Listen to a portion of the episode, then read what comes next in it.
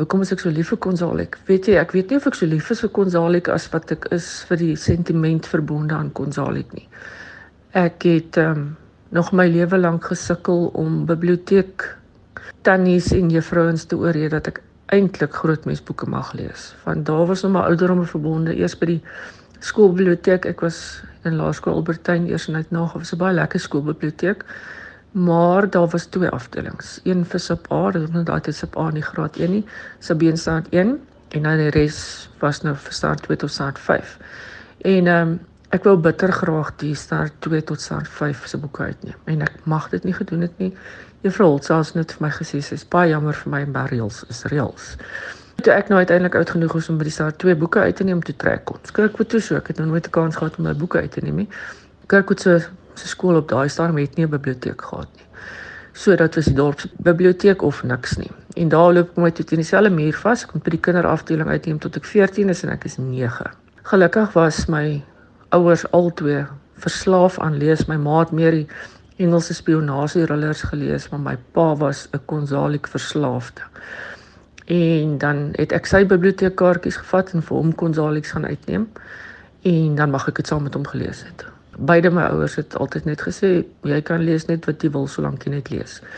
So my Konsalike herinneringe is in 'n groot mate vir my vas aan die sentiment met my pa en met my voortdurende geveg om te mag lees wat ek wil lees. So met elke Konsalik boek wat ek deur die jare aangekoop het, het ek vir my 'n stukkie van die verlede weer teruggekoop. So in 'n groot mate dink ek nee, ek weet nie of ek so erg is oor Konsalik as wat ek erg is oor dit wat hy vir my verteenwoordig nie. Maar tog as ek na sy boeke kyk, dis die grootste uiteenlopende klomp temas wat jy jou kan indink. Baie mense dink hy het net oor die Tweede Wêreldoorlog geskryf, maar dit is glad nie so nie. Ek onthou van sy eerste boeke wat ek gelees het, was nie eers oorlogverhale nie. So ek was geweldig beïndruk met hoe hy oor vrouens kon skryf want dit is tog in die tydperk wat hy geskryf het, patriargie het hoogtyd gevier internasionaal nie net in Suid-Afrika nie. So om skielik te kom vroue die helde te maak was vir my wonderlik. Dr Erika Werner dieselfde, hy maak die vrou die held. So ek dink die verskriklike ongelooflike hoeveelheid temas waaroor hy kon skryf. Dit het my altyd gefassineer. Hoe kon een mens so klomp verskillende stories uitdink? Ansien is jy nou die enigste persoon in Suid-Afrika wat die volledige versameling het en dan hoeveel boeke is daar in die versameling? Ek het altyd gedink as ek die hele volledige reeks het dan sal ek die enigste in Suid-Afrika wees. Toe kom ek nou agter toe ek die laaste boeke kry. Ek is een van 3 waarvan ek weet. Al drie vrouens, die een het net voor my haar versameling voltooi. Die ander een het saam met my haar versameling voltooi en daar's nog 'n interessante storie aan die een wat sy nie kon kry in die liefde in die etensuur. Is een wat ek ook na gesoek het en sy sê toe sy soek al omtrent 8 jaar na die betrokke titel. En ek kry toe 'n groot bestelling in seker omtrent 12 wat ek by een persoon gekry het en in een van hulle as ek reg onthou dink ek is die sterre moet nog skyn. So ek toe in rondblaai En toe sien ek maar my wêreld hier's twee stories in die boek, maar dis nêrens op die buiteblad aangedui nie. Wel as jy binne kyk en raai wat is nommer 2 liefde in die etensuur. Toe stuur ek vir die persoon, ek kan ongelukkig nie haar naam onthou nie. Ek weet dit was op 'n Facebook geselsgroep waar ons nou almal kon salik soek. 'n boodskap om te sê, jong, weet jy nie dalk die sterre moet nog skyn nie en as jy hom het, kyk net daar in die laaste helfte. En toe is die vrou ekstaties want toe het sy heeltyd die laaste titel en sy het nooit geweet nie. Nou as ek moet gaan volgens die ander twee mense wat ook sê dat hulle volledige versamelings het en ook op die maksimum werk natuurlik dan is 105. Ek hoop regtig nie iemand gaan jou na die tyd bel en sê daar's 106 nie want dan gaan ek vir baie nagte nie slaap nie. Ek het nogal toe ek nou regtig na die einde van my versameling toe begin gaan het, weer gaan terugkyk oor waar dit begin het. En ek dink toe dit aanvanklik begin het, het ek nooit bedoel om almal te versamel nie want ek sien my eerste ene het ek gekoop toe ek in stand 4 was. Kampstig vir my pa se verjaarsdag geskenk. Lelie van die Nyl, ek het nog mooi vir hom ingeskryf liefde vir sy verjaarsdag en so in die datum bygesit so ek weet ek was in stand 4. Dus ek was so 10 of 11 miskien.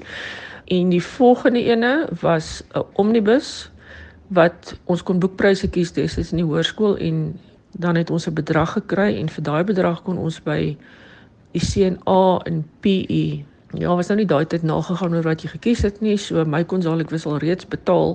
Toe die onderwyser uitvind dat ek 'n konsalik gekies het. Dus ek start 7 en hy's bitter ongelukkig en sê ek moet dit gaan omruil en ek trap vas en sê dis my geld, dis my boek, ek soek die konsalik.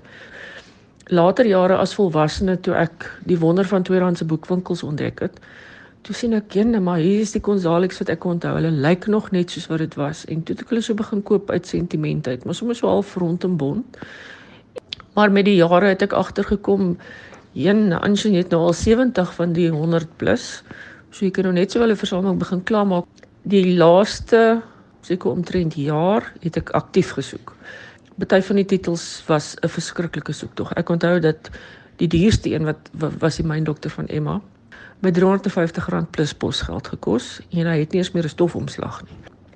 En dan dooie duikers deel nie is die laaste een wat ek gekort het vir my versameling en dit het nog 'n mooi storie aan. Ek het geweldig gesoek vir hom. Ek het op my WhatsApp profiel status op my Facebook status gesê asseblief gaan grawe in tweedehandse boekwinkels. Ek soek die boek. Ek kort net die een, dan het ek 105. Ek kon wel een kry iewers in Londen. Ehm um, dit sou my beste deel van R2000 gekos het om dit te kry daai ding gaan nou nie gewerk het nie. In elk geval ek het op Facebook se tweedehandse boekgroepe ook gevra vir dooie duikers deel nie. En seker net die volgende dag toe sa 'n persoon wat redelik baie tweedehandse boeke koop en verkoop op Facebook, Jacques Sibrit. Ek het hom nie geken op daai stadium wat so waar op dieselfde boekgroepe vra vir dieselfde boek. Toe gaan spring ek nou so op sy plasing op en sê ag nee man Jacques, ek soek die boek. Toe sê nee maar as, as ek hom kry dan kan ek hom maar vat maar as daar nou nog een uitkom dan sal hy hom ook graag wil hê. En toe te danke aan baie goeie vriende kry ek nou op jou en twee toe kontak ek nou vir Jacques en sê soek jy nou nog steeds dooie duikers deel nie. Hy sê ja nee asseblief, hy's 'n boekverkoper en een van sy kliënte soek die boek. En hy gee my toe die die kliënt se besonderhede en sê ek kan met hom reël om my boek by hom te kry. Nou daar kom hy die groot ironie toe in. Die kliënt van hom is toe Johan Bakkes, die skrywer. En toe ek hom kontak om te sê jong ek hoor deur Jacques jy soek dooie duikers deel nie, ek het 'n ekstra een vir jou.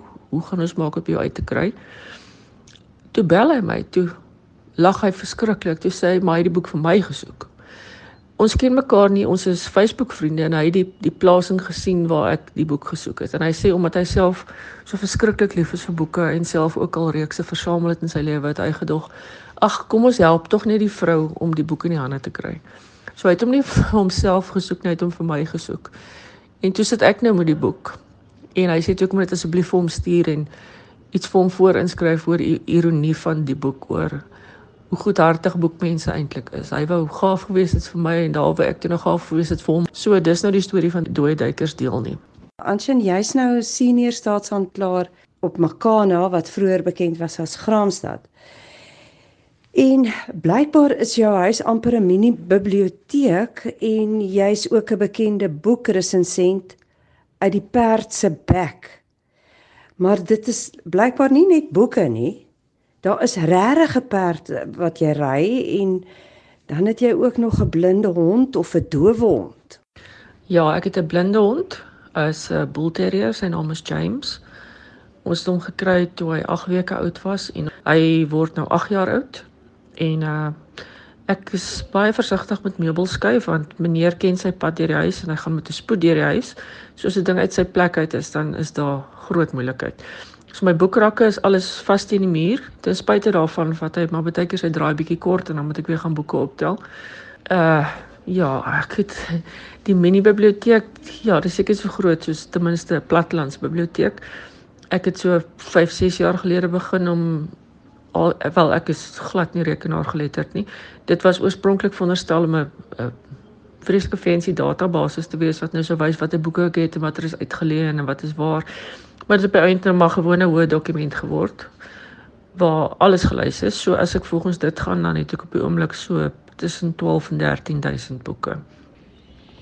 Ehm um, ja, die perd dit was eintlik 'n half desperate naam. Ek het by lekker lees boekrak van Marion Erskin aangesluit op Facebook en ek is omdat ek so mal is oor boeke en lees. Maar vandat my ouers oorlede is, Johannes nie regtig 'n leser nie, maar hy luister net maar wanneer ek so ewe entoesiasties van hom vertel van iets wat ek kan nie lees. Hy's 'n baie entoesiastiese luisteraar wat ek geweldig waardeer. Maar dis natuurlik nou half 'n eenrigting gesprek omdat hy nie self nie regtig lees nie. So die lekker lees boeke raak was vir my 'n lekker manier om half te gesels oor die boeke. En ehm um, het Marion op 'n stadium vir my gesê dis tyd dat ek ook 'n hashtag kry want dan kry jy dit goed makliker as hy iemand se indrukke wil soek.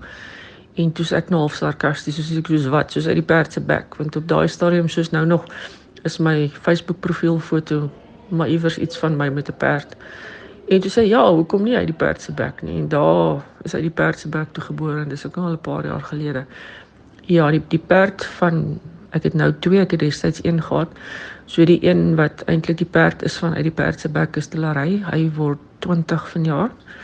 En ek het nou vir karisma ook. My ander perd, hulle lyk baie dieselfde. Wel, mense ken hulle nie eintlik uit nie. So die een op my huidige profielfoto is karisma, maar destyds op my profielfoto toe uit die perd se bek gebore is, was dit Delary. Ek ehm um, dink altyd aan Delary elke keer wat ek die hashtag gebruik vir uit die perd se bek want hy is vir my baie spesiaal. Nou net laasens terug na jou volledige Afrikaanse konsalik versameling. Sal jy ooit die boeke uitleen aan iemand om te lees? Of het jy ook al soos baie ander boekversamelaars gesien maar 'n boek wat jy uitleen kom nie terug nie of is te veel moeite om dit terug te kry? Ek is geweldig passievol oor lees en geletterdheid. So 'n groot deel van my biblioteek is byvoorbeeld kinderboeke. Ehm um, waarvan ek my eie uit my eie kinderdae nie uitleen nie. Hoe juis omdat hulle onvervangbaar is.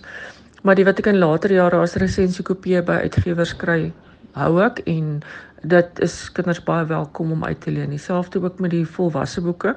Ek het 'n amptelike leenregister en dan het ek ook 'n 'n groen lys, 'n oranje lys en 'n rooi lys van mense.